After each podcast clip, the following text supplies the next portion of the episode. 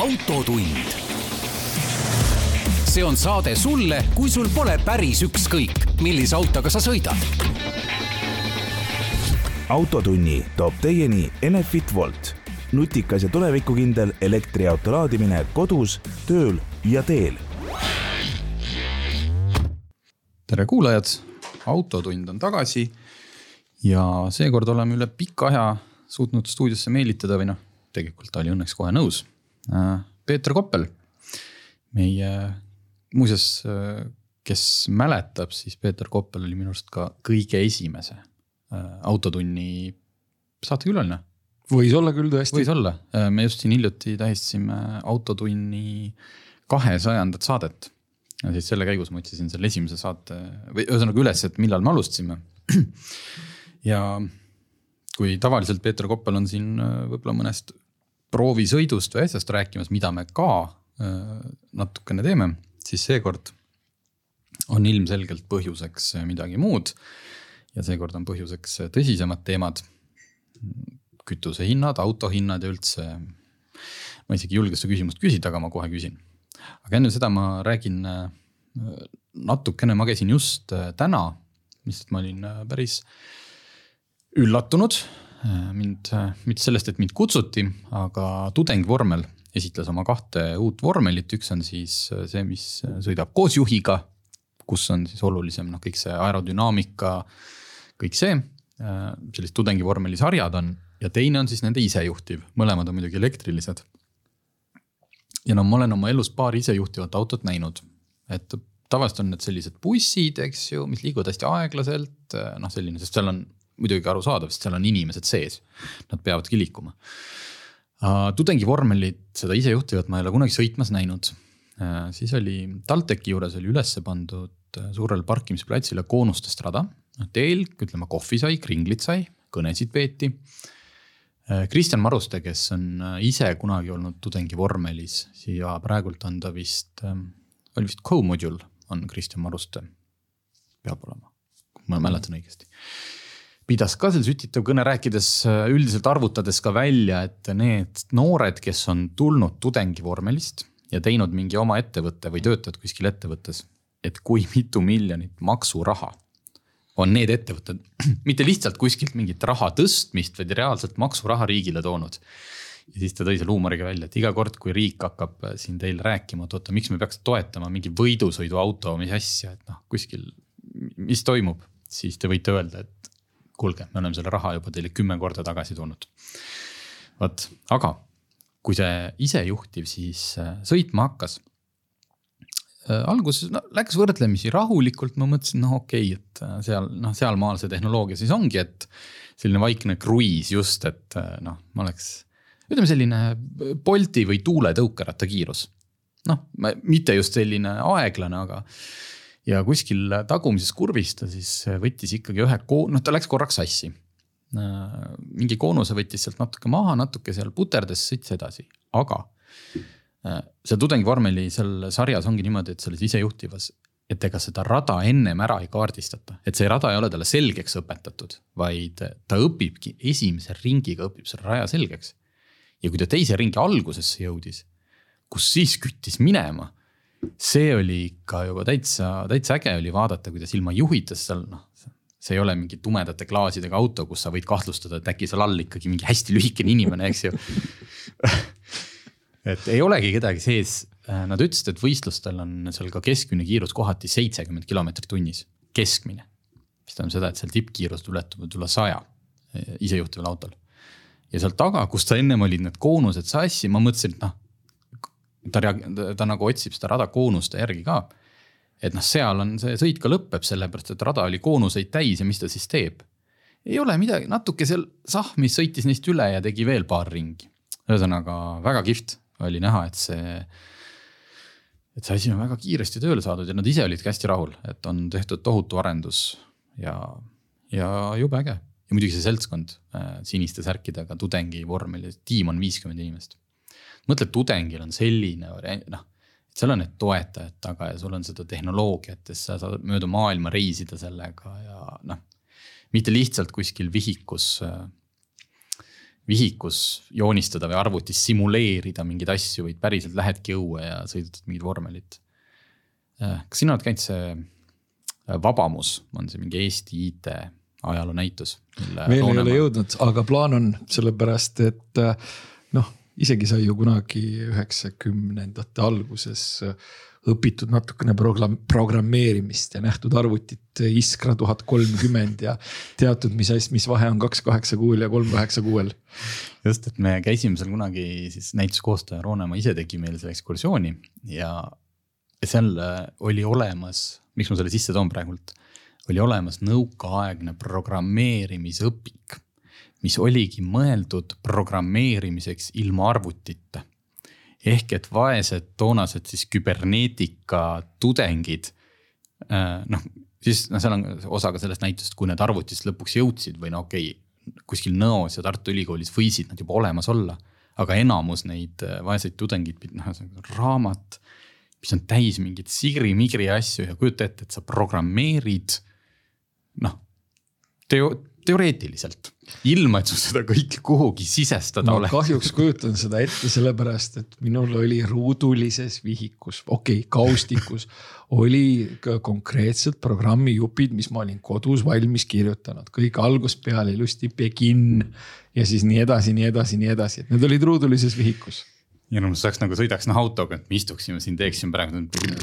no õnneks ja. ma sain pärast need äh, ruudulise vihiku asjad nagu ka päris arvutis kompileerima panna, aga, aga ruuduline vihik oli jah, päriselt teema ka veel üheksakümnendate alguses ja peaaegu keskpaigas vot, ühesõnaga tudengivormeli tüübid eelmine aasta mingist paarikümnest meeskonnast rahvusvaheliselt said viienda koha ja sellel aastal siis loomulikult sihivad top kolme ja tundub, et neil on äh, päris head äh, võimalused selleks. aga, et siin veel natukene jääd murda, enne kui tõsiste teemade juurde lähme, siis ma nägin, et äh, Peeter Koppel tuli siia stuudiosse jalgrattaga. kommenteeri siis, kuidas on, ilm on praegult ilus, ilmselt talvine sõitja sa ei ole aga kuidas on hetkel Tallinna linnas jalgrattaliikleja elu? Ega ta nüüd nagu päris selline äh, mugav ei ole, ehk ta on suhteliselt hirmus, kui ma niimoodi, niimoodi nagu ausalt ütlen. aga ma, inimene kipub kõigega harjuma ja ma olen sellega nagu suhteliselt, äh, suhteliselt ära harjunud ja mulle lihtsalt väga meeldib rattaga sõita. ja noh, ütleme, et kui ilm selline on, siis noh, ma eriti ei näe põhjust, et miks ma peaksin Kalamajast kesklinna võtma, võtma autoga sõitma, sellepärast et näiteks mul läheb tööle jõudmiseks autoga ja rattaga täpselt sama palju aega, aga rattaga on nii palju toredam, kõik need äh, helid, lõhnad äh, ja võib-olla liiga lähedalt äh, mööda sõitvad autod tekitavad natukene, natukene huvitavamaid tundmusi, kui lihtsalt olla, istuda, istudes akvaariumis ja kuulates klassikalist rokki. no aga liinibuss number kolme peatus ei ole ka su kodust kaugel, et seda ka ette tuleb või? tunnistan ausalt, ei tule, sellepärast et ma arvan, et ma olen äh, nii-öelda universumi ees oma sellise äh, bussiga sõitmise kohustuse täitnud sellega, et ma kakskümmend aastat äh, Lasnamäe bussiga sõitsin. kusjuures ka nendel aegadel, kus bussi väga hästi ei mahtunud, siis ma pakun, et mind on korra bussist maha tõstetud isegi. ja see nii-öelda, ütleme selline klassikaline eestlase kuuekümne sentimeetrine intiimtsoon. seda siis pidi iga päev äh, kaks kuni kuus korda rikkuma ja see ei olnud väga-väga tore, et ma ühistransporti tunnistan äh,, äh, väldin ja satun seda kasutama pigem siis, kui ma olen kuskil piiri taga. okei okay,, aga ratturina, kas, kas pigem sõiduteel või pigem kõnniteel või siis nüüd siis nende noh, kui on see rattatee kuskil rattatee on esimene eelistus, aga see tegelane ma tõesti ei ole, kes äh, sõiduteel ennast autodega võrdse, võrdsena tunneks ja kui ma vaatan neid autoga võrdsena tundvaid tegelasi, siis ma alati kuidagi nagu imestan, et ühest küljest nad tahavad autoga võrdsed olla. aga millegipärast nendele nagu see punane foorituli on, tundub olevat nagu vaba valik, et autona see on ikkagi kohustuslik. aga ratturitele tundub see olevat nagu, nagu vaba valik ja ma ei ole veel leidnud ühtegi sellist huvitavat, huvitavat kohta, kus oleks kirjas, et rattur võib äh, punasega teha seda, mida ta tahab kusjuures ma isegi arvan, et äh, sellise uskudes mõnikord, mitte küll tihti, aga inimesed teavad, et noh, paljud teevad seda kindlasti muidugi noh, teadlikult. aga ma arvan, et paljudel ongi mingi selline, ühesõnaga nad nagu ei mõtle sellele, vaid see on mingi nagu hall ala, et sa oledki ju mõlemad, sest sellel hetkel, kui sa oled seal äh, sõiduteel, sul tuleb punane tuli, et kui sa tõstaksid selle ratta pool meetrit paremale, seal on kõnnitee ja seal on jalakäijal roheline tuli, sealt ma võin üle sõita, eks ju. ja siis tekibki selline mingi hala, et tal, tal jääbki nagu tunne, et tegelikult see on okei okay. et ta mitte teadlikult ei ole, et noh, et äh, fuck you, et ma sõidan siin nagu tahan, vaid ma olen nõus, lihtsalt sa mul kummastust tekitad, aga samas ma tunnistan täiesti, et ilmselt tekitaks võib-olla temas kummastust. see, et kui ta näeks, et mina kuidagi vahepeal kuidagi võib-olla liiga palju kõnniteel opereerin. aga mu kõnniteel opereerimine on ikkagi ka väga-väga aeglane ja, ja, ja noh, teine asi, et olles ikkagi ka autoga palju sõites, siis ma üldiselt suhtun jalgratturitesse liikluses nagu väga-väga ettevaatlikult ja sellise võiks isegi au, öelda, et austusega, et ma ikkagi lasen neid läbi, annan teed ja üritan mitte eriti lähedalt mööda sõita ja. ja, ja kindlasti ei tee selliseid trikke, et sõidan siuh mööda, siis jätan seisma ja siis tulen autost välja ja karjun nende peale, et tee on autode jaoks. ma olen paari sellist äh, videot näinud, vist mõlemad on Youtube'is isegi olemas. jah, okei okay,, see on jah, ütleme mis ma ütlesin, haigetest inimestest, seal, seal on, seal on ju tegemist selgelt diagnoosiga, mitte enam nii, nii mõlemal juhul, ka, ka see rattur, kes ja. ütleme, kui kütab kuskilt punasega, on tihti. ja, ja siin tuleb tõesti võib-olla ka arvestada seda, et rattur on ka inimene, et ja. see, et ta rattur on, ei tee teda äh, nagu väga palju õilsamaks kõigis muudes kategooriates, et ratturite hulgas paraku on ka troppe. jah, ja see kuidagi noh, kui ma läheks nüüd, ma ei ole nii tugev ajaloos aga ma kahtlustan, et äkki jalgratas kui selline võis olla esimesena olemas ja liikluses kui nagu sisepõlemismootoriga auto. ehk et noh, nagu, et kust on nüüd tulnud see, et kuidagi nagu, et ratturid kaduge minema, sest. no ei tea, see on natuke selline indiaanlaste kauboid, et noh, me nüüd tulime ja tee pakiga oma need telgid kokku, see on nüüd meie ala, et tegelikult ei ole. okei okay ma arvan, et me sellega saime siin nüüd kõik selgeks ja lähme siis selle tõsisema teema üle. ja see küsimus, mida ma siin kartsin küsida, aga, aga tuleb ära, et äh, kas nüüd nii ongi ja läheb aina hullemaks, räägime siis, äh, ma ei tea, kõikidest maailma hinnatõusudest, aga, aga ikkagi esialgu siis fookusega kõigepealt kütus ja siis loomulikult autode hinnad. kütuse hind, et see on, see on üks keeruline teema selles mõttes. ma natuke juhatan seda sisse, Peeter teab sellest rohkem kui mina, aga mis minule sellise noh, natuke asjas sees, ma olen kuulnud kahte täiesti kuidagi nagu erinevat põhjendust.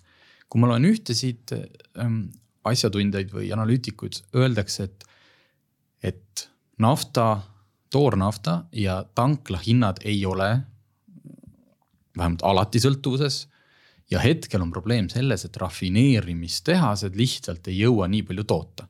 et, et see, kui inimesed arusaadavatel põhjustel vihastavad, et loevad hommikul lehest, et nafta hind kukkus järsult, aga näete, noh. me oleme seda siin nii palju lahanud, kuidas see nafta maailmaturu hind tanklad postidel mõjutab ainult siis, kui see on, ma ei tea, kuu on äh, Merkuuriga retrokraadis aga praegult on nagu põhjus siis selles, et rafineerimistehased ei jõua toota. Millest ma ka hästi aru ei saa, sest kaks aastat tagasi jõuti nagu ilusti aga teine pool on see, mida Peeter mulle siis äh, Messengeri vestluses ütles, et süüdi on siin pigem see vana hea rohepööre. ja selle puhul on mul nüüd siis mure, et rohepööre on ju tulnud selleks, et jääda rohepööre on tulnud selleks, et jääda, aga siin on, võib öelda, et ma ei tahaks võib-olla kasutada sellist väljendit, et süüdi on otseselt, otseselt kontseptsioon nagu rohepööre või see, et me rohelisemaks tahame minna. ja noh, see on minu meelest igati, igati mõistlik ja, ja, ja arusaadav ja õige ja õilis, aga küsimus on selles võib-olla natuke, et. kuidas seda rohepööret on ellu viidud ja milline see poliitika on. et kui päris algusest alustada seda naftaturu teemat, siis äh, hetkel võib öelda, et turg on nafta osas defitsiidis. ja ta on defitsiidis äh, mitmete huvitavate asjaolude pärast. üks huvitav asjaolu on loomulikult see, et Ukrainas käib sõda ja Vene naftasse nagu väga hästi ei suhtuta. aga ta oleks defitsiidis ka ilma selle konkreetse olukorrata. meil oleks ikkagi naftabarrel üle saja ja, ja posti otsas kütus ebameeldivalt, ebameeldivalt kallis. ja see defitsiit äh, põhimõtteliselt tuleneb sellest, et äh, ei ole investeeritud uutesse tootmisvõimsustesse piisavalt palju ja uutesse tootmisvõimsustesse ei ole investeeritud piisavalt palju sellepärast, et see poliitiline keskkond on noh, pigem sinna roheluse suunas. Ja need, kes peaks investeerima, need põhimõtteliselt ei ole julgenud seda teha, sellepärast et nad ei tea kas need investeeringud, mida nad teevad, kas need äh, ühel hetkel ära tasuvad, ega ei juhtu mingisugust, äh, ei tule mingisugust järgmist poliitilist sammu, mis tekitab olukorra, kus nende investeering äh, ei ole enam, enam, enam tasub. ja sama asi on ka selle rafineerimisvõimsusega, eelkõige Ühendriikides. Ja nüüd on siis eriti naljakas olukord, kus siis turg on defitsiidis, eks ole, üldiselt nagu globaalselt Äh, investeerida ei ole julg, juletud eriti ei siis nafta tootmisesse ega täiendavasse rafineerimisvõimsusesse. ja miks oleks vaja olnud investeerida täiendavasse tootmis- ja rafineerimisvõimsusesse? Lihtsalt sellepärast, et esiteks nõudlus kasvab ja teine asi, et kui me mõtleme üldse kontseptsioonile rohepööre, siis kontseptsioon rohepööre tähendab noh, sisuliselt Äh, mingite energiaallikate asendamist ja, ja hiiglaslikke investeeringuid. ja kui nüüd mõelda nendesse hiiglaslikesse investeeringutesse ja energiaallikate asendamisesse, siis tegelik situatsioon on selline, et kui sa tahad midagi ehitada, noh mingit infrat kasvõi, sul peab olema energiat, mis oleks mõistliku hinnaga ja mis oleks nii-öelda kergelt kättesaadav. see siis tähendab seda, et nagu majanduspoliitika või sellise suunava rohelise majanduspoliitika kontekstis on juhe fossiilsetelt kütustelt tõmmatud välja enne, kui need on millegagi asendatud. ja on tekkinud selline nii-öelda ebameeldiv vaheperiood, kus ei ole ühte enam piisavalt ega teist mõningates kontekstides ei ole üldse või ei ole seda piisavalt või ei ole see talutava hinnaga. nii, ja kui siis tekibki olukord, et nõudlus kasvab energia järele ja pakkumise osas ollakse nii-öelda keeratud äh, poliitikale vint korralikult peale, siis juhtubki selline asi, mis on, on, on praegu juhtunud.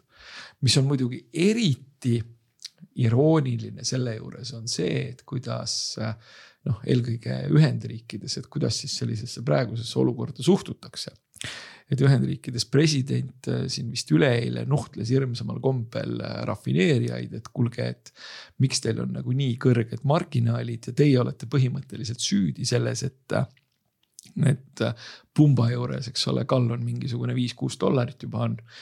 no siis see kisub juba natukene absurdi, see kisub absurdi just nimelt selles mõttes, et, et ise, eks ole, luuakse see majanduspoliitiline keskkond, kus siis rafineerijad ei saa investeerida, kus siis tootjad ei saa investeerida ja siis, kui, eks ole, nõudlus kasvab, pakkumine järgi ei tule, hind äh, läheb üles, hakatakse süüdistama äh, tootjaid, rafineerijaid selles, et hind on kallis ja võib-olla, et nad teenivad nagu liiga palju kasumit. et see on nagu võrreldav sellise olukorraga, et nad oletame, et ma olen pagar, nii. aga ma olen selline pagar, kes võtab, kasvatab ikka vilja ise ja siis tuleb, eks ole, tähtis onu ja ütleb, et nüüd on selline lugu, et äh, vaat sul on siin sellised põllud, aga nüüd vaat nendelt põldudel, nendel põldudel sina enam vilja ei kasvata, sellepärast et noh, ma ei tea, lilled ja liblikad. no siis ma ütlen, et okei okay,, nii ja siis äh, natukese aja pärast tuleb onu ja ütleb, et, äh, et tähtis onu ja ütleb, et vot ja seda uut küpsetusahju sa ka ei osta. sellepärast, et noh, ma ei tea, põhjused. sa ei osta seda, nii ja siis läheb natukene aega mööda ja nõudlus saia järgi kasvab ja loomulikult kasvab seetõttu ka hind, sest pakkumine on piiratud, aga nõudlus kasvab. ja siis tuleb seesama onu ja ütleb, et ma olen vastik ja paha ja mina olen süüdi selles, et hind on tõusnud. noh, mul on väga raske öelda, et et, et, et sellises kontekstis, kui ma see pagar olen ja mulle on seotud sellised piirangud, mina olen süüdi selles, et hind on, on kallis. ja võib-olla ka süüdi selles veidikene, et mul on siis nii-öelda, et ma olen võib-olla teeninud sellist kasumit, mida ma muidu ei teeniks, kui mul ei oleks loodud sellist konkreetset raamistikku. ja see on nüüd ütleme see põhjus, miks praegu need hinnad liiguvad just nimelt äh, nii, nagu nad liiguvad, et noh, väga palju tahetakse öelda, et no Putin on süüdi. Putin on süüdi, aga ainult natukene. see raamistik on loodud enne seda, kui äh, Putin hakkas äh, oma koledusi korda saatma Ukrainas, see defitsiit või selles, et turg on defitsiit, see oli teada ammu enne seda ja kui vaadata, eks ole, ka, ka nafta hinna graafikut siis ka see oli siis nii-öelda ammu, ammu enne seda nagu selgelt tõusutrendis. sellest äh, kahe tuhande kahekümnenda aasta mm, äh, hiliskevadisest või suvisest nagu, nagu, nagu, nagu miinusesse minemisest alates. et see keskkond on fossiilsete kütuste vaenulik ja ta on vaenulik enne seda, kui need fossiilsed kütused ollakse suudetud millegagi asendada. ja see on tekitanud sellise noh, selge probleemi, kus nõudlus kasvab, pakkumine järgi ei tule ja hind läheb üles kui sa nüüd äh, vihjasid vist minu meelest ka natukene sellele, et kas nüüd nagu midagi paremaks ka nagu saaks minna. siis äh, noh, ütleme, et jah, teoreetiliselt eksisteerib võimalus, et kütuse hind saab minna alla. aga see on nüüd võib-olla natukene ebameeldiv teadmine, aga see eeldaks seda, et, et, et nõudlus kukuks ära. noh, millal nõudlus ära kukub, nõudlus kukub ära siis, kui on majanduskriis. ja ütleme, ma arvan, et, et kedagi nagu eriti ei lohuta mingisugune selline olukord, et kütus on jupi võrra odavam, aga noh, tööd ka ei ole. et noh, selline jah, selline stsenaarium või selline võimalus eksisteerib. jah, ja see hind võib tulla ka nii-öelda alla veidi aga see taustsüsteem, just nimelt see turu defitsiidis olek ja see turu sellises pikaajalises defitsiidis olek. ei noh, see ei näi kuidagi paranevat ja nüüd on, eks ole, kui ühe asja veel, et kui mõelda sellele rafineerimisvõimsusele, mida on, eks ole, puudu, siis rafineerimisvõimsuse juurde tekitamine võtab aega, igal juhul see võtab aega. ja aga senikaua kuni ei ole see nii-öelda see majanduspoliitiline keskkond äh, selline, kus öeldakse, et kuulge, et okei okay,, et. kui te rafineerimisvõimsust juurde tekitate, et siis me teie investeeringuid nagu mingi järgneva poliitilise otsusega väärtusetuks ei muuda. et senikaua, kui see keskkond pole muutunud, siis see pinge püsib ja selle pingega on muidugi selline asi, et noh, ühed ütlevad, et ongi väga hea, et on kallis, et see võtab, motiveerib äh, Äh, võtab, motiveerib äh, nii-öelda alternatiivne kasutusele võtma ja vähem kulutama. noh, no see vähem kulutamisega, no ma ei tea see on see teema, et jah, tõesti, et võib-olla noh, tõesti vaatad, et äh, igale poole ei sõida autoga. aga majanduses laiemalt, noh, arvestades seda, et majandus toimib diiselkütuse peal, siis majanduses laiemalt, no see ei ole väga hea areng, kui see energia liiga kallis on ja jäävad need roheinvesteeringud ka võib-olla toppama, kui, kui see sellisel tasemel püsib jah, õliühing äh, saadab siin pressiteateid, et äh, mitu protsenti võrreldes äh, mingi perioodiga jälle vähem kulutati ja küüniliselt öeldes ongi rohepööre, et. mõtle, mitu tonni CO2 jääb iga sõidu pealt nagu kulutamata.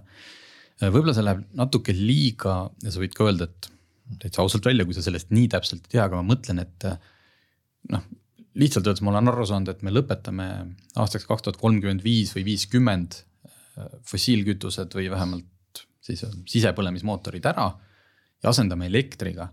aga mida siis nendelt hetkel nendelt rafineerimistehastelt oodatakse, ega nad ju ei hakka bensiin, noh bensiini elektriks muutma. et mis, mis tohutu hetkel, mille taga nad on, kas nad saa-, kas neil on teoreetiliselt võimalik siis toota puhtamat kütust? või äh,? ei ole, aga see küsimus ongi, see ongi üks peamisi küsimusi, sest need rafineerimistehased ja tähendab täpsemalt nende omanikud, nende ettevõtete aktsionärid, ega need ka ei tea ju, mis, mis, mis edasi saab. Äh, noh, sa ei saagi täiendavat, täiendavatesse ressurssidesse investeerida, kui sa ei tea, mis edasi saab loomulikult äh, noh, on võimalik täiesti rahulikult äh, need, rafineerimistehased ühel hetkel, kuidas nüüd öelda, utiliseerida sellepärast et noh, äh, tootmispinda on ikka vaja, metalle, mida seal kasutatakse, on ikka vaja. noh, võib-olla isegi mõningaid masinaid, mida seal kasutatakse, on võimalik mingite muude asjade jaoks ümber seadistada, et noh, see ei ole niivõrd suur probleem. Äh, probleem on just nimelt see, et, et tegelikult oleks vaja äh, rafineerida ja rikastada, eks ole, et noh, tegeleda, tegeleda heas mõttes naftakeemiaga, aga sellega ei saa tegeleda, sellepärast et sa ei tea, mis see tehas sul võib maks-, maksma minna ja sa ei tea, mida see tehas sulle nagu tagasi toob. ja sa ei tea, noh, millal, millal siis nii-öelda jälle mingisugune selline noh, rohe, rohepoliitiline vallatus nagu ära tehakse. ja see on noh, see on see ettemääramatus. see võib olla hea mõte nagu selles suhtes, et teha rohepööret või et noh, see poliitika võib olla hea mõte sellest, et teha rohepööret, aga majanduspoliitika, mis ei võimalda majanduses osalejatel teha pikaajalisi otsuseid, on alati halb majanduspoliitika mm -hmm.. okei okay., äh, no kütuse osas sai täitsa selgeks ja, ja ei ole põhjust hetkel äh, minna suurema mootoriga autot võib-olla ostma, et ah, küll ta ikka langeb. ei pruugi. kas sa näed, et äh, noh, see on puhtalt poliitiline ja ilmselt ka mingi lühiajalise poliitilise profiidi peale, aga kas sa arvad, kas Eesti nüüd siis, ma pole viimasel ajal isegi jälginud, on meil koalitsioon juba või, või veel ei ole? ei pidavat, ei pidavat saama enne jaanipäeva. selge, no ja siis tuleb jaan, ühesõnaga, kas sa näed, et äh, tehakse mingi kiire ajutine otsus, nagu on teinud siin, äh, ma ei tea, Läti loobus biokütuse nõudest, Saksamaa suve lõpuni aktsiisi vist küll hulgimüüjad hulgi tasemel, kas, kas Eestis on näha, mis sa arvad? et äh, tullakse tarbijale appi sellega, et äh, vähendatakse mingeid makse? ma arvan, et võib-olla selle tarbijale appi tulemine nagu sellise tavatarbijale nagu noh, noh mina ja sina, et see ei olegi niivõrd äh,, niivõrd selline prioriteetne, et küsimus on ikkagi nagu ka selles, et äh, noh, meil on olemas erakordselt hea näide selles, et äh, et sa ei saa ajada väga erinevat aktsiisipoliitikat, kui sul ei ole piire ja sa kasutad sama valuutat. ja see siis tähendab seda, et üldiselt võib-olla sarnase profiiliga majandustes nagu Eesti, Läti ja Leedu. see kütuse hind võiks ikkagi olla enam-vähem sarnane, sellepärast et vastasel korral noh ma ei tea, pool Lõuna-Eestit võtab, käib kuskil Lätis tankimas. maksud sõidavad. ja maksud ja maksud sõidavad jällegi täpselt samamoodi nagu nad, nagu küt, kütusega on juba veidikene sõitnud ja kui nad alkoholiga sõitsid, eks ole, eks ole päris palju. et äh, selline noh, see ja pigem selliste võib-olla ka, ka, ka nagu autovedajate kontekstis on see oluline, et kus kohas, kus kohas need maksud siis ikkagi nagu kokku, kokku korjatakse et kas hoitakse aktsiis kõrgel ja kukuvad siis nii-öelda osad tarbijad ära ja siis aktsiisi laekumine ei ole, ei ole enam nagu selline, nagu e-, eeldatakse. või siis langetatakse, langetatakse enam-vähem samale tasemele nagu Lätis ja autovedajad tangivad ikkagi siin ja saadakse see aktsiis kätte. et ma arvan, et see loogika on pigem seal kui, kui, kui, kui selles, et et, et, et mingisugusele tavalisele inimesele nüüd nagu proovida kütust veidikene odavamaks teha. sest see kütuse veidikene odavamaks tegemine siis nii-öelda mõeldes sellele tavatarbijale, see ei pruugi seda efekti anda. sellepärast, et noh, probleem on ju ikkagi selles, et see nafta millest seda diislit või, või üheksakümmend viite või üheksakümmend kaheksat sealsamas rafineerimistehases äh, keedetakse, kui niisugust vallatut väljendit lubada, et noh. kui see nafta ikkagi nagu edasi kallimaks läheb, siis ega see aktsiisilangetus ei aita. ja, ja noh, noh praegu võib öelda küll, et noh, pigem on see nafta ikkagi tõusutrendis ja pigem on see pinge seal sees mm. -hmm okei okay., tõusutrendis on ka kõik muu, et me tegime siin autolehes Autogeeniuses hiljuti äh, võrdluse, rääkisime eelmises saates sellest vist, et äh, meil oli eelmine aasta kevadel kõik hinnad tõusid ja tegime kohe ära, et kui kallid mingid autod ja kui palju hind tõusnud ja siis selle pealt oli meil hea teha ka see kevad kohe nüüd uuesti. Äh, seal noh, kõige kurioossem, mis meil silma jäi, oli nelikümmend kaks protsenti tõusnud Peugeot viiesaja kaheksa hind baasauto, aga no ütleme, seal jäid, seal oli mõni suurem veel, pigem oli selline kümme protsenti ja teame ka, et kasutatud autode hinnad on kõvasti tõusnud, mida on noh, muidugi palju raskem mõõta, sest et kasutatud auto ei ole mingi konstant, seal oleneb läbisõidust ja noh, hästi raske on võrrelda, et kas mingi Audi, mis eelmine kevad maksis, ma ei tea, kaksteist tuhat ja nüüd maksab neliteist tuhat, et kust sa sellesama Audi võtad, eks ju. aga kas seal on näha, et ma ei tea, kas me järgmine kevad võime järgmise samasuguse loo teha? ma arvan, et selle, see loo, see lugu tuleks teha igal juhul, ükskõik kummas suunas need hinna, hinnad lähevad, sellepärast et see on, kuidas minu, minu meelest hea, heas mõttes nagu selline tarbijat abistav ajakirjandus. Aga siin on nüüd jällegi noh, ka, ka selline koht, kus on võib-olla selliseid väga head, häid uudiseid raske öelda. väga häid uudiseid raske öelda lihtsalt sellepärast, et see noh hästi palju tegelikult ka teiste toormete hinnad äh, sõltuvad energiahindadest, sellepärast väga lihtsal põhjusel. sest energia on nende noh, nii-öelda mäe seest või maa alt kättesaamise või siis ka ümbertöötlemise kontekstis hästi oluline sisend. ja see tähendab seda, et kui energia hinnas meil on selline negatiivne pinge, siis see negatiivne pinge ühel või teisel moel võtab, avaldub ka, avaldub ka teistes olulistes toormetes see on äh, nii-öelda üks aspekt. teine aspekt on see, et kui me nüüd vaatame mingisuguseid selliseid jällegi olulise tähtsusega toormeid, siis noh, meil on see, see vana vastik KGB-t on ju noh, tõeline kaabakas, noh, see on selles mõttes äh, noh problemaatiline jälle, sest kui me võtame mingisuguseid, noh, võtame noh, võtame alumiiniumi näiteks. no midagi ei ole parata Venemaalt lihtsalt palju tuleb alumiiniumit ja kui, kui seda nii-öelda maailmaturule ei lasta. no pakkumine väheneb, nõudlust on, noh, mida see tähendab, see tähendab hinnatõusu.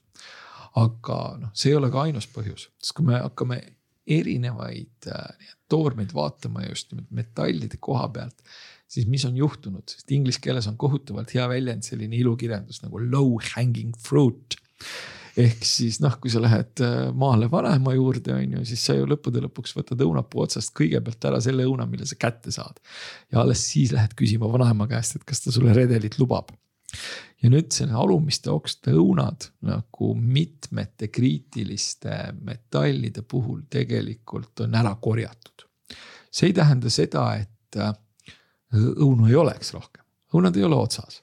see lihtsalt tähendab seda, et tuleb redel tuua noh, aga mida tähendab sellises majanduse mõttes see redeli toomine, see tähendab seda, et see on täiendav ressurss. sa pead esiteks kulutama energia, sul peab see redel olema, nii äh, selle redeli tootmiseks on sul midagi läinud, sa pead kulutama seda, et sa lähed küüni alla seda redelit tooma, sa lähed seda tooma sinna jala, on ju. sa tood selle redeli ära ja sa pead ronima, see on ka täiendav siis nii-öelda kulu. ehk siis äh, noh, sellised struktuurne taust selleks, et toormed võiksid minna kallimaks, on täiesti, täiesti olemas ja toormete kallimaks minemine on konkreetselt selline asi, mille autotootjad täiesti kindlalt tahavad võimalikult kiiresti äh, tarbijale edasi kanda, sellepärast et ega siis nad oma, oma marginaalide kallale ei taha ju ometigi minna, et noh. ega nad see, neid autosid ei tooda sellepärast, et autosid toota, vaid nad toodavad seda ikkagi sellepärast, et aktsionäridele kasumit teenida. ehk siis energia hind kui sisend on toormete suhtes problemaatiline ja teine asi on see, et mitmete toormete puhul on just nimelt äh, see nii-öelda odavalt kättesaadav, kättesaadav ressurss ammendunud. ja siis on veel kolmas asi. kolmas asi on see, et kui me räägime ikkagi nendest tarneahela probleemidest, mis on ka päris populaarsed. Äh, noh, et öeldakse, et ühte asja ei ole ja teist asja ei ole ja kolmandat asja ei ole.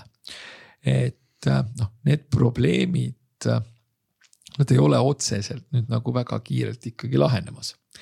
ja neid mingisugustel hetkedel võib tulla ka juurde, võib tulla juurde sellepärast, et noh, teatavasti hiinlased äh, koroonaviiruse puhul ajasid sellist nagu nulltolerantsi poliitikat, et noh, kui kuskil keegi köhis, on ju, siis hazmat kostüümides tüübid püüdsid ta kinni, ma ei tea, tõmbasid kilekoti pähe ja viisid, viisid koju ja keevitasid ukse kinni. nii, ja kui te nüüd mõtlete, et okei okay,, et äh, noh, väga kole viis inimestega käitumiseks, siis loomulikult ma olen nõus. aga vaadake, seesama tegelane, kes kinni püüti ja koju, koju nagu aeti, siis töötas kuskil. võib-olla tegi midagi sellist, mida võib-olla on kellelegi kuskil vaja. võib-olla pani kokku mingisugust, tegi allhanget kellelegi, pani kokku mingisugust elektroonilist seadet. võib-olla võttis, tootis, oli suisa, suisa nagu kiibitootja et äh, noh, ja ega siis Hiinas ju selliseid tegelasi, kes kinni püüti ja, ja, ja koju kinni pandi, et ega neid ei olnud ju üks. et siin oli ju noh, Shanghais oli nagu mingisugusem korralik nagu korralikum lockdown. noh, Pekingis räägiti mingisugustest nagu, nagu võimalikest äh, lockdown idest ja väiksematest kohtadest on olnud neid veel ja veel ehk siis see Hiina ebaõnnestunud nulltolerantsi poliitika ja see, kuidas nad siis inimestesse suhtuvad äh,. tekitab pingeid pakkumispoolel väga paljudel asjadel ja see ei pruugigi olla võib-olla nüüd nagu selles mõttes äh, noh mitte tunduda nagu eriti traagiline, aga kui sul on tõesti mingi üks julla, mida toodetakse kahes kohas maailmas, on ju. ja ühes kohas maailmas seda ei toodeta näiteks kaks nädalat. Siis võib sul täiesti rahulikult tekkida lõpptoode, mis on sul valmis. ja sul ei ole seda ühte jullat seal ja siis käivituvad igasugused huvitavad protsessid, siis sa loomulikult võid leida, et, et aga äkki ma võtan selle julla kuskilt mujalt. Ja kui on kaks kohta maailmas, kus neid toodetakse, siis sellele teisele tootjale sa äkki oled maksma nõus rohkem. ja siin on olnud äh, selliseid olukordi, kus siis näiteks noh, on mingisugune suur tööstuslik seade vist oli niimoodi, et, et, et oli, olid, olid kiibid, mis muidu maksavad neli eurot tükk. noh Äh, ja nüüd on neid ostetud nagu neljakümnega ja väidetavalt isegi neljasajaga. sellepärast, et kui sul on hiiglaslik toode, siis noh, sa kannatad ära selle see noh, mis maksab võib-olla sadu tuhandeid eurosid, sa kannatad ka selle nagu nelja ja neljasaja vahelise ära. siis on olnud selliseid äh, lugusid, kus siis üks jällegi tööstuslike seadmete tootja avastas, et temale vajalikku kiipi on pesumasinad sees ja siis ta ostis ära mingisuguse korraliku nagu poollaevatäit pesumasinaid. selleks, et kätte saada seal see kiip. nüüd mõelge sellele nagu ressursi kasutuse ebaefektiivsusele. Et kuskiles siis on hunnik tutikaid pesumasinaid, millel on üks kiip puudu. noh, see, see genereerib sellist äh, ebameeldivat äh, noh pinget ja absurdi. ehk siis äh, noh, see, see, see viitab sellele, et see inflatsiooni probleem, et see on veidikene sügavam, kui ta nagu alguses paistis. eriti muidugi, kui ta alguses paistis keskpangale, sellepärast et sellist, sellised nagu minusugused vaatasid ajalukku ja mõtlesid, et see või tõesti võib nagu hapuks minna. Eesti inflatsiooni kakskümmend protsenti nagu aastas, no, no, no nii hullu ei oleks osanud äh, ka, ka, ka minusugused äh, professionaalsed, kohati professionaalsed pessimistid nagu eeldada. aga noh, nagu öeldud, ehk siis see energia hind, siis see kergelt kättesaadavate ressursside ammendumine ja lõpptoodangu puhul äh, sellised noh, nõudluse kontsentreerumine ajaliselt, mis on seotud sellega, et eks ole, lockdown'id läbi said. kuni selleni, et Äh, Hiina, mis on siis peamine koht maailmas, kus, eks ole, asju toodetakse, et noh, need. Nende poliitika on olnud selline nagu on, see kõik on olnud pigem selline noh, hinnatõusu süvendav mm. -hmm ja kui nüüd mõtleme, et okei okay,, hiinlased, suslikud, et noh, me ju kõik saime aru kaks tuhat kakskümmend, et võib-olla peaks mõningaid asju nagu kodus lähemalt tootma. no täiesti nõus, võib-olla peakski aga siis tekib muidugi see mõte, et okei okay,, aga mikspärast me selle tootmise sinna Hiina viisime viisime sinna sellepärast, et äh, seal oli odavam. Äh, noh, esimene asi, kui nüüd öelda, et aga, et äh, noh, tööjõud oli odavam, no loomulikult ja aga noh, võib-olla olid ka mingisugused keskkonnanõuded, no võib-olla mingites kohtades pigistati silmad kinni. ja nüüd me toome selle tootmise tagasi to siia kus äh, need sisendid ei ole nagu noh, sellise hinnaga ja keskkonnanõuetele noh, väga to-, väga tore ja õilis, et, et ei pigistata silma kinni. noh, kus see kõik kajastub, see kajastub lõpptoote hinnas ja see võtab, närib ennast absoluutselt igale poole läbi, nii et ja jällegi siin peab jällegi ütlema, et noh, et kuidas saada hinnad alla. Hinnad tule, saaks alla sellega, et raha hakkaks jälle päriselt maksma mida on väga raske hetkel äh, nii-öelda prognoosida lihtsalt kasvõi sellepärast, et kui me nüüd mõtleme sellele, et, et, et mis siis raha, raha maksma hakkamisega toimub, et. Euroopa Keskpank ei olnud äh, jõudnud veel ühtegi intressitõusu teha ja ei olnud jõudnud rahatrükki ära lõpetadagi, lihtsalt oli öelnud, et võib-olla natuke tõmbame koomale ja juba hakkas nii-öelda servast sihuke Itaalia näol nagu uus euroala võlakriis nagu endast, endast märku andma. et eh, noh, siin ei ole häid põhjuseid eeldada selleks, et raha uuesti maksma hakkaks ja täpselt samamoodi noh, jah teine asi, mis võib juhtuda, on see, et nõudlus kukub ära, aga nõudluse ärakukkumine tähendaks seda, et oleks, oleks mingisugune võib-olla natukene hapukam äh, majanduskriis ja see ei ole ka selline asi, mis kellelegi meeldiks. ehk siis teoreetiline võimalus on, et hinnad võivad alla minna, aga see eeldaks seda, et majandus jahtuks kiiresti ja järsult ja siis oleks jälle teistpidi kõigil paha. Ma saan aru, et seda, see majanduskriis tihti lööbki õhu puhtaks ja pärast läheb noh, kõik mingi aja pärast oleme samas punktis, aga korraks on jälle siis kõik hästi, et. ma saan aru, seda majanduskriisi keegi ei taha, aga mingi hetk on seda vist kõigil vaja, sest et muud moodi see asi noh, ei saagi vinduma niimoodi jääda ju. no põhimõtteliselt küll noh, majandus. või on ka võimalik aeglane ja sõbralik majanduskriis no, no kuidas nüüd öelda, selline aeglane ja sõbralik majanduskriis. no ta ei ole aeglane ega sõbralik, aga see on see, et kui me mõtleme näiteks kontseptsioonile, eks ole, Eesti majanduskasv. nii, ja kui nüüd ütleme mingisugusel hetkel keegi ütleks, et näiteks meil tuleb sellel aastal, no tõenäoliselt küll ei tule, aga ütleme, tuleb kolm protsenti majanduslangust siis noh, kõik mõtleks kohe, et oi, kolm protsenti majanduslangust, et ahaa, õudne no ei ole väga õudne, sellepärast et majanduskasvu numbreid võetakse ikkagi ju noh, öeldakse, see on, see on juba inflatsiooniga korrigeeritud. siis tähendab seda, et kui meil on, oletame, et meil on, no ma loodan ka, et aasta baasil nagu või terveks aastaks nagu nii hullu inflatsiooni ei tule, aga oletame, et tuleb.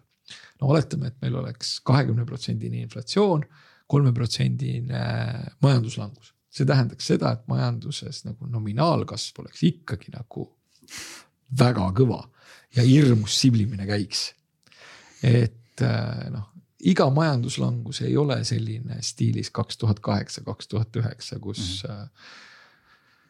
noh, põhimõtteliselt väljas ei sööda ja, ja, ja taksoga ei sõideta ja, ja pimedal ajal iga, igaks juhuks pool kümme kustutatakse tänavavalgus ka ära. et noh, see ei ole, iga majanduslangus ei, ei ole selline ja mõned majanduslangused on selgelt nagu paremini talutavad kui, kui, kui mõned teised. Mm -hmm.. okei okay,, minul on siin äh, sügisel oli plaan, et väike mõte, et äh, Kalamajas noh, ka kortermaja, et et peaks ikkagi lõpuks ära renoveerima selle noh, ütleme muidu, muidu väga hubase, aga visuaalse peldiku ja siis mõtlesin, et sügisel oli ka tohutult puiduhinnad laes ja siis mõtlesin, rääkisin veel ühe ehituspetsialistiga, kes ütles, et no vaatame, et noh, et vot ära võib-olla kohe hakka, et vaata seal, räägime jaanuaris uuesti. noh, siis jaanuar läks veebruariks, no siis läks, eks ju, korduvalt mainitud idanaaber lolliks. ühes, ühesõnaga, nüüd on mul selline tunne, et tõenäoliselt ei ole nagunii enam head hetke, et ma peaksin lihtsalt selle renoveerimise ära tegema ja sama on ilmselt ka autoga. et kui keegi on praegult plaanimas auto ostu, ta on teinud kõik oma arvutused ära ütleme, et saab seda lubada. isegi kui inflatsioon ja talvel läheb elekter väga kalliks, et, et ta ikkagi saab seda lubada. ta põhimõtteliselt võiks selle otsuse ära teha, et tal ei ole mõtet olla nagu mina, kes sügisel jäi ootama, et äkki kukub, et noh, auto on veel sihuke asi, et noh, tahad ju kiiremini kätte saada, et noh, ei ole ju lootust, et aasta, aastaga meil siin midagi muutuks. no sellega on selline lugu, et, et kui nüüd nagu mõelda, et siis inflatsioonil on võib-olla kaks olulist, olulist sellist omadust. üks omadus on see siis, et noh, millise baasi pealt sa siis seda inflatsiooni arvestad. kui sa arvestad siis, eks ole, praegust inflatsiooni äh, nii-öelda eelmise aasta juuni pealt siis sa saad nagu sellise tunde, mis nagu majandusinimestele tekitab olukorra, et haaraks nagu rinnust kinni ja loodaks, et süda, süda nagu seisma ei jää nii, aga kui sa järgmisel aastal samal ajal äh, inflatsiooni arvestad, siis sa arvestad seda nagu selle aasta juuni pealt, eks ole. ja selle aasta juuni noh, see väga suur osa ikkagi hinnatõusust on juba nagu noh, eeldatavasti ära olnud ehk siis selleks peaks olema olukord nagu, nagu palju veel koledam just nimelt hinnatõusu kontekstis. et sa järgmisel aastal samasugustest inflatsiooninumbritest äh, rääkida saaksid et, et see on üks inflatsiooni omadus, et alati tuleb arvestada baasiga. teine asi, mis on inflatsiooni omadus ja mis on selline asi, mis analüütikuid vahetevahel nagu veidikene närvi ajab ja mida nad võib-olla väga hästi tunnistada ei taha, on see, et ta on inglise keeles on hea väljend sticky, eks ta, see on kleepuv. see tähendab seda, et kui ta ikkagi nagu korra juba käima on läinud, siis ta ei anna nagu nii ruttu järele, nagu esialgu eeldada võiks. ehk siis äh, kui ma oleksin tänasel päeval nagu autot ostmas, siis ka mina teeksin selle, ma teeksin selle tehingu ära. ma teeksin selle tehingu ära lihtsalt sellepärast, et äh, ma ei tea, kui nii-öelda sticky või kleepuv see inflatsioon on. ma olen pigem kindel selles, et me ei räägi järgmise aasta juunis kahekümne protsendilistest hinnatõusudest uuesti. aga me võime ikkagi rääkida mingisugustest hinnatõusudest.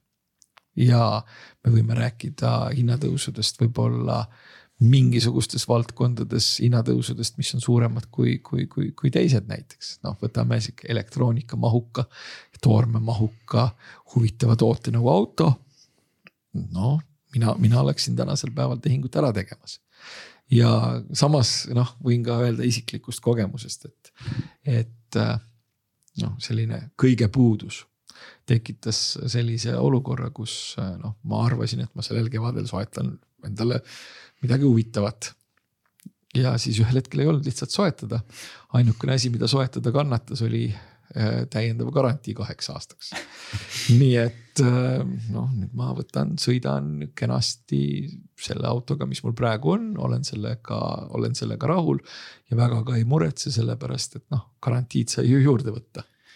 okei okay., äh, aga lähme nüüd siin lõpuks korraks natuke sellistele tavapärasematele, helgematele teemadele lihtsalt fantaasiamaailma. ütleme, et kui siin oleks midagi võtta ja sa ei pea üldse mõtlema inflatsioonist, energiahindadest, kõigest. millise auto sa praegu ostaksid? Ma, ma nüüd päris sinna ei push'iks, et kas sa juba elektriauto ostaksid. aga hetkel, kui sa oleksid läinud poodi, kõik, kõik laod on täis, Peeter Koppel, vali ainult.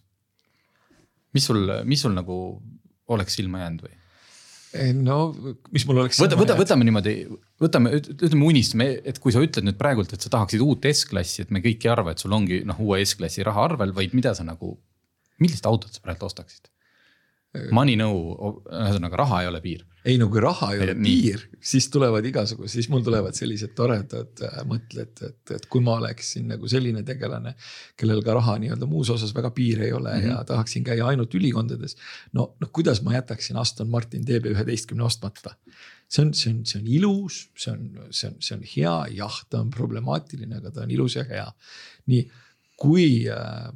no teeme ikkagi mingi, noh nii, okei okay.. TB, TB1 on selline. TB11 jah, nii, aga kui TB ma, kui ma oleksin natukene, natukene ratsionaalsem yeah., natukene ratsionaalsem, aga siiski ka väga hea nagu ressursside äh, kättesaadavusega mm -hmm. või oma ressurss, no Carrera 4S mm -hmm. Porsche. no päris tore, päris tore asi, loomulikult see tähendaks seda, et peaks teine auto ka olema, millega ta, talvel sõita miski, mis oleks või, või võiks olla veidikene odavam, veidikene, veidikene kõrgem ja ilmselt mitte Cayenne siiski et noh, need oleks need, mida, mida ma siis nii-öelda suhteliselt piiramatute ressursside kontekstis nagu mõnuga, mõnuga vaataksin ja, ja, ja tahaksin. aga mida sa tegelikult surfisid?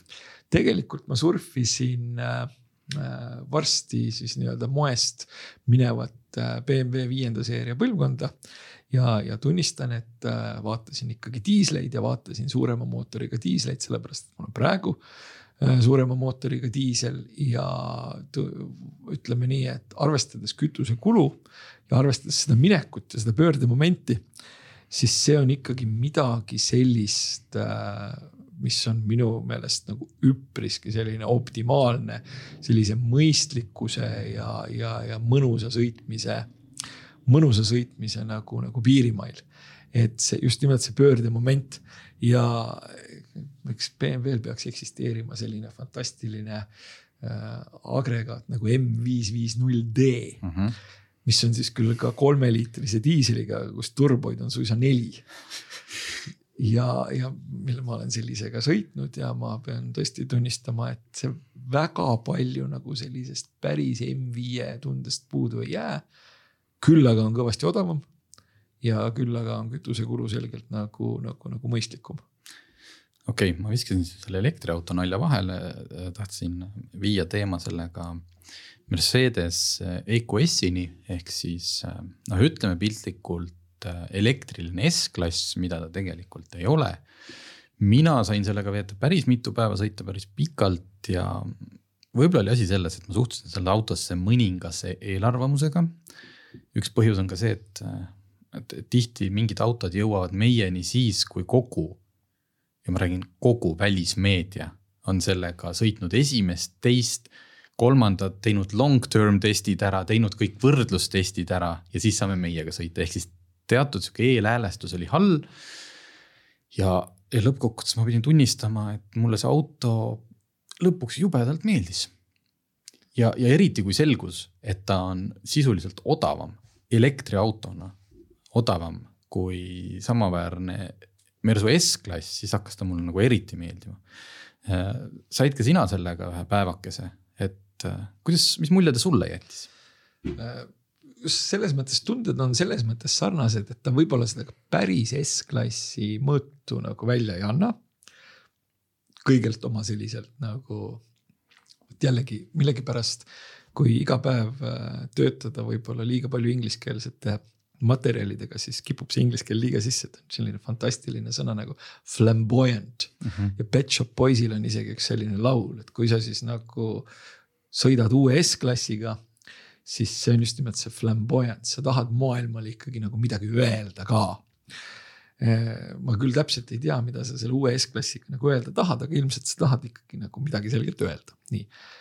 see EQS, no ta igalt poolt on natukene justkui nõrgukesem või nigelakesem kui see S-klass.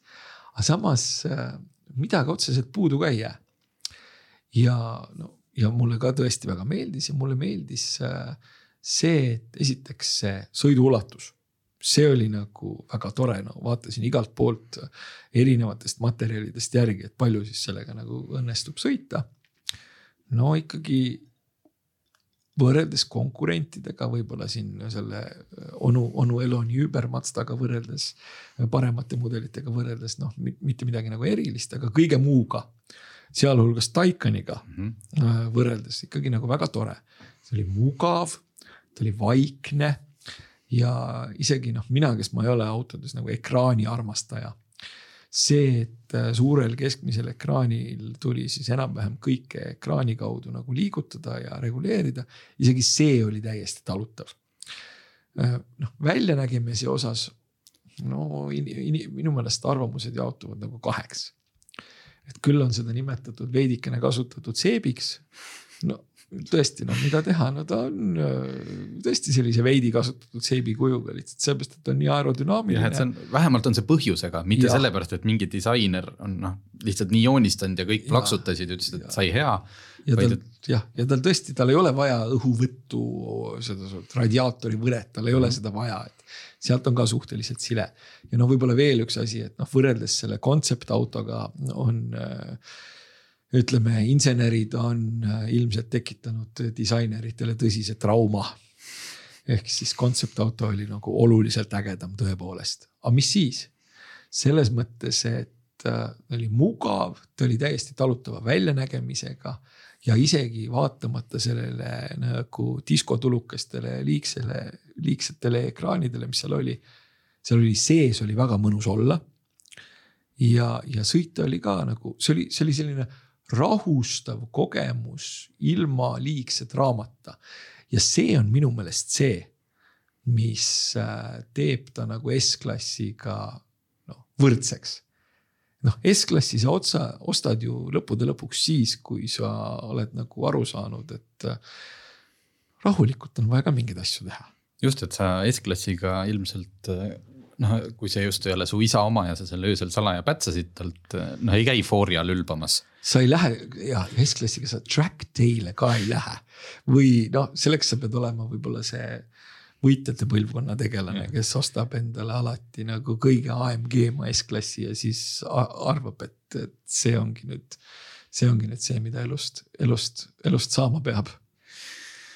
vot äh, selle, selle konkreetse teema võtaks kokku siis sellega, et kuna viimane auto, millega, mille, mille rooli ma sind panin, ma pean vabandama, ma ei ole Peetril viimasel ajal eriti palju autosid sokutanud ma püüan ennast parandada, oli Porsche Taycan Sport Turismo, ei mitte sport, jah oli Sport Turismo, see, see, see nii-öelda universaal. see oli universaal, see oli see me... pere, pere, pereelektri Porsche. just, et kui me võtame selle turboversioon, noh, ütleme kõik asjad paned peale, siis ma arvan, on ta ka umbes sada seitsekümmend tuhat, nagu oli see EQS.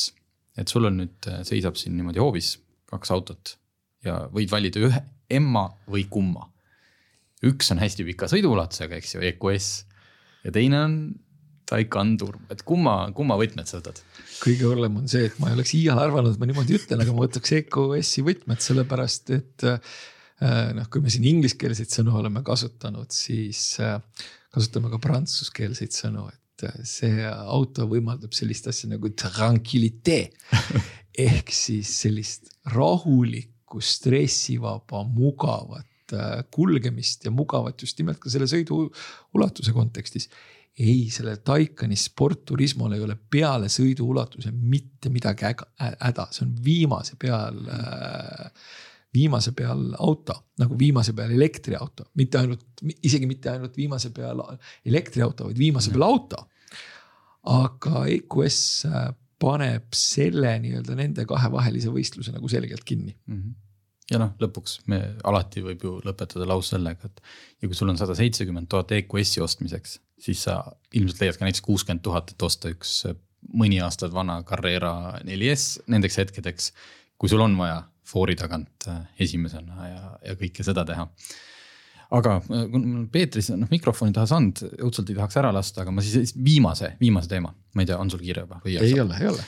viimase teema ma võtaks selle, mida sa ilmselt Tallinna inimesena oled tähele pannud ja mida kinnitavad ka numbrid Äh, kui ma ei eksi, siis nüüd maikuu lõpu seisuga oli Eestis müüdud juba neliteist uut Lamborghinit. Äh, Ferrari number läheneb kümnele, seal on noh, Bentley on sealkandis. et mis inimesed, kas, kas sa oskad, see, see ei ole sul, ma eeldan, et sul ei ole nimekirja nendest inimestest, eks ju, ja telefoninumbreid. aga mis põlvkond see on, kes neid autosid ostab? kust, kas, kas need on need, kes õigel ajal äh, läksid krüptosse ja tulid sealt kasumiga välja ja praegult sõidavad Lamborghiniga ja naeravad? on need, on need mingite vanade suurärimeeste järeltulijad, kes on nüüd noh, mitte isa rahadega ei tegele, aga on noh ise selles äris sees, et kust need inimesed tulevad? või lihtsalt inimene on tänapäeval juba selline, et noh, bloody hell, et mul on see esimene Milku käes ja kui ma sellest kolmsada panen äh, Lamborghinisse mul seitsesada ju jääb veel järgi. et noh, nagu sihukene autoinimene, et ta ei mõtle enam nii ratsionaalselt kui vanasti kahtlemata ütleme, et jah, tõepoolest mul ei ole nimekirja kõigist nendest omanikest, aga arvestades minu töövaldkonda, ma enam-vähem mingisugust arusaama oman, et kes, miks ja kuidas. makro, makrovaade. makro, see on makro, see on selline makrovaade jah, aga äh, kõik need spekulatsioonid, mis sa ütlesid, et kes need on, on õiged aga siin on üks aspekt, millest tuleb aru saada.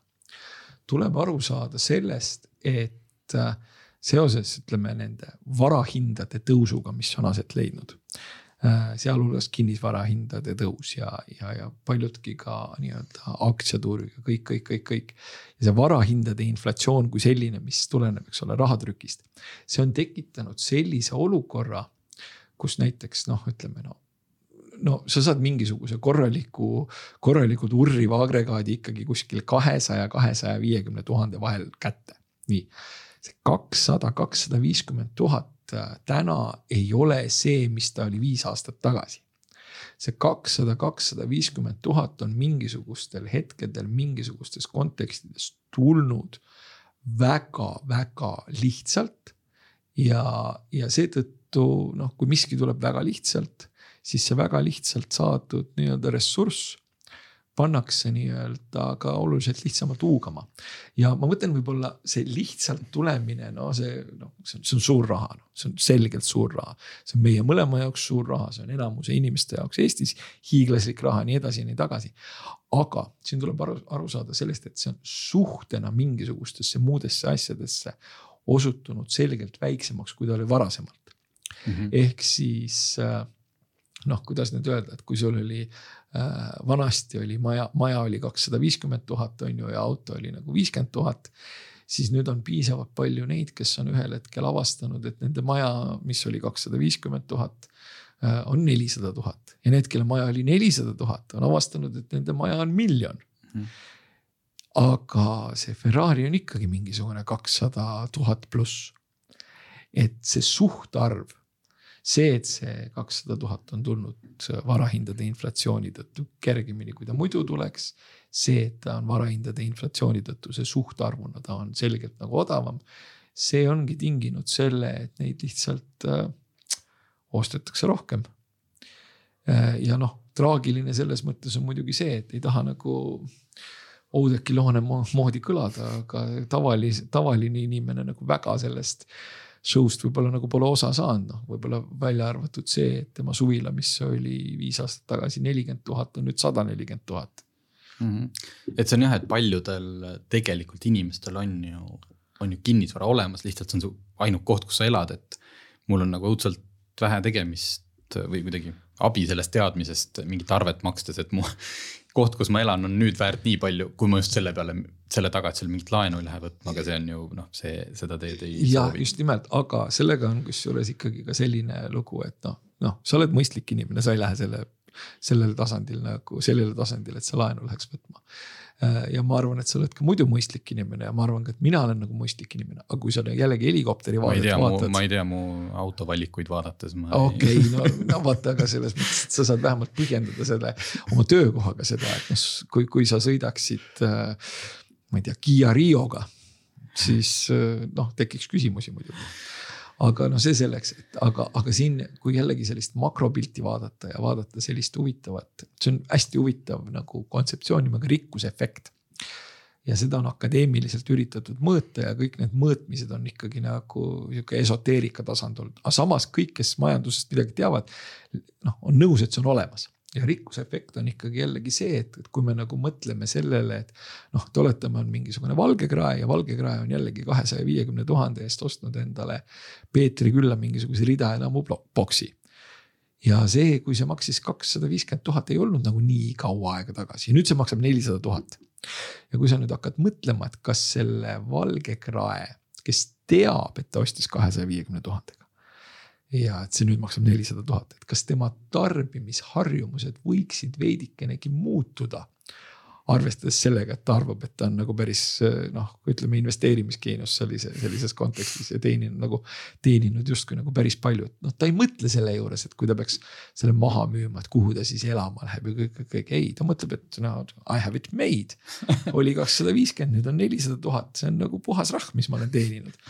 ja siis tema, tema tarbimisotsused võivad olla nagu selgelt äh, teistsugused kui äh, kui, kui oleks siis, kui seesama ridaeluboks maksaks näiteks ikka veel kakssada viiskümmend tuhat. ja, ja seda on võimalik tegelikult kanda ka sellistesse kõrgemate sissetulekute ja, ja suuremate numbrite konteksti ja siis see paraku seletab ka ära selle, et et noh, miks on näiteks ka suhteliselt tavalisi autosid, äh, millel on need, need, need, need, need edevusnumbrimärgid mm. -hmm. või miks, miks siis tõepoolest nagu õhtul linna peal ühelt poolt kuuled, et üks teeb nagu Lamboga urr ja teine teeb Ferrari, Ferrari'ga brrr. et äh, see, see, see, see varahindade inflatsioon, see suhtarvu muutumine, kõik, kõik noh, see seletab seda tegelikult päris hästi. okei okay üks asi, millest mul nüüd noh, muidugi automaailma mõttes on kahju, et kui nüüd tõesti läheb mingiks väikseks majanduskriisiks ja kuidagi see kõik jahtub ja nii. on see, et mul on tunne, et praegult on jõudnud Eesti siis äh, need varakamad kohta, kus aina rohkem mulle jääb äh, internetis silma, et on hakanud tulema päriselt ägedaid autosid. umbes Lamborghini Diablo, noh seda tüüpi, et nagu eestlane on jõudnud nüüd, avastanud selle, et noh, et võib-olla tal on juba olemas kõik need uued, et kuhu veel oma seda raha kulutada. aga et äh, ma, ma nüüd tahaks jah rohkem, ma olen seda korduvalt ka maininud, et teiste raha on ju jube hea kulutada. et, et võiks tulla ja mine tea, kuidagi vaadates kõiki igast oksjonite ja noh, ärme räägi siin Uhlenhaut kupeest, eks ju.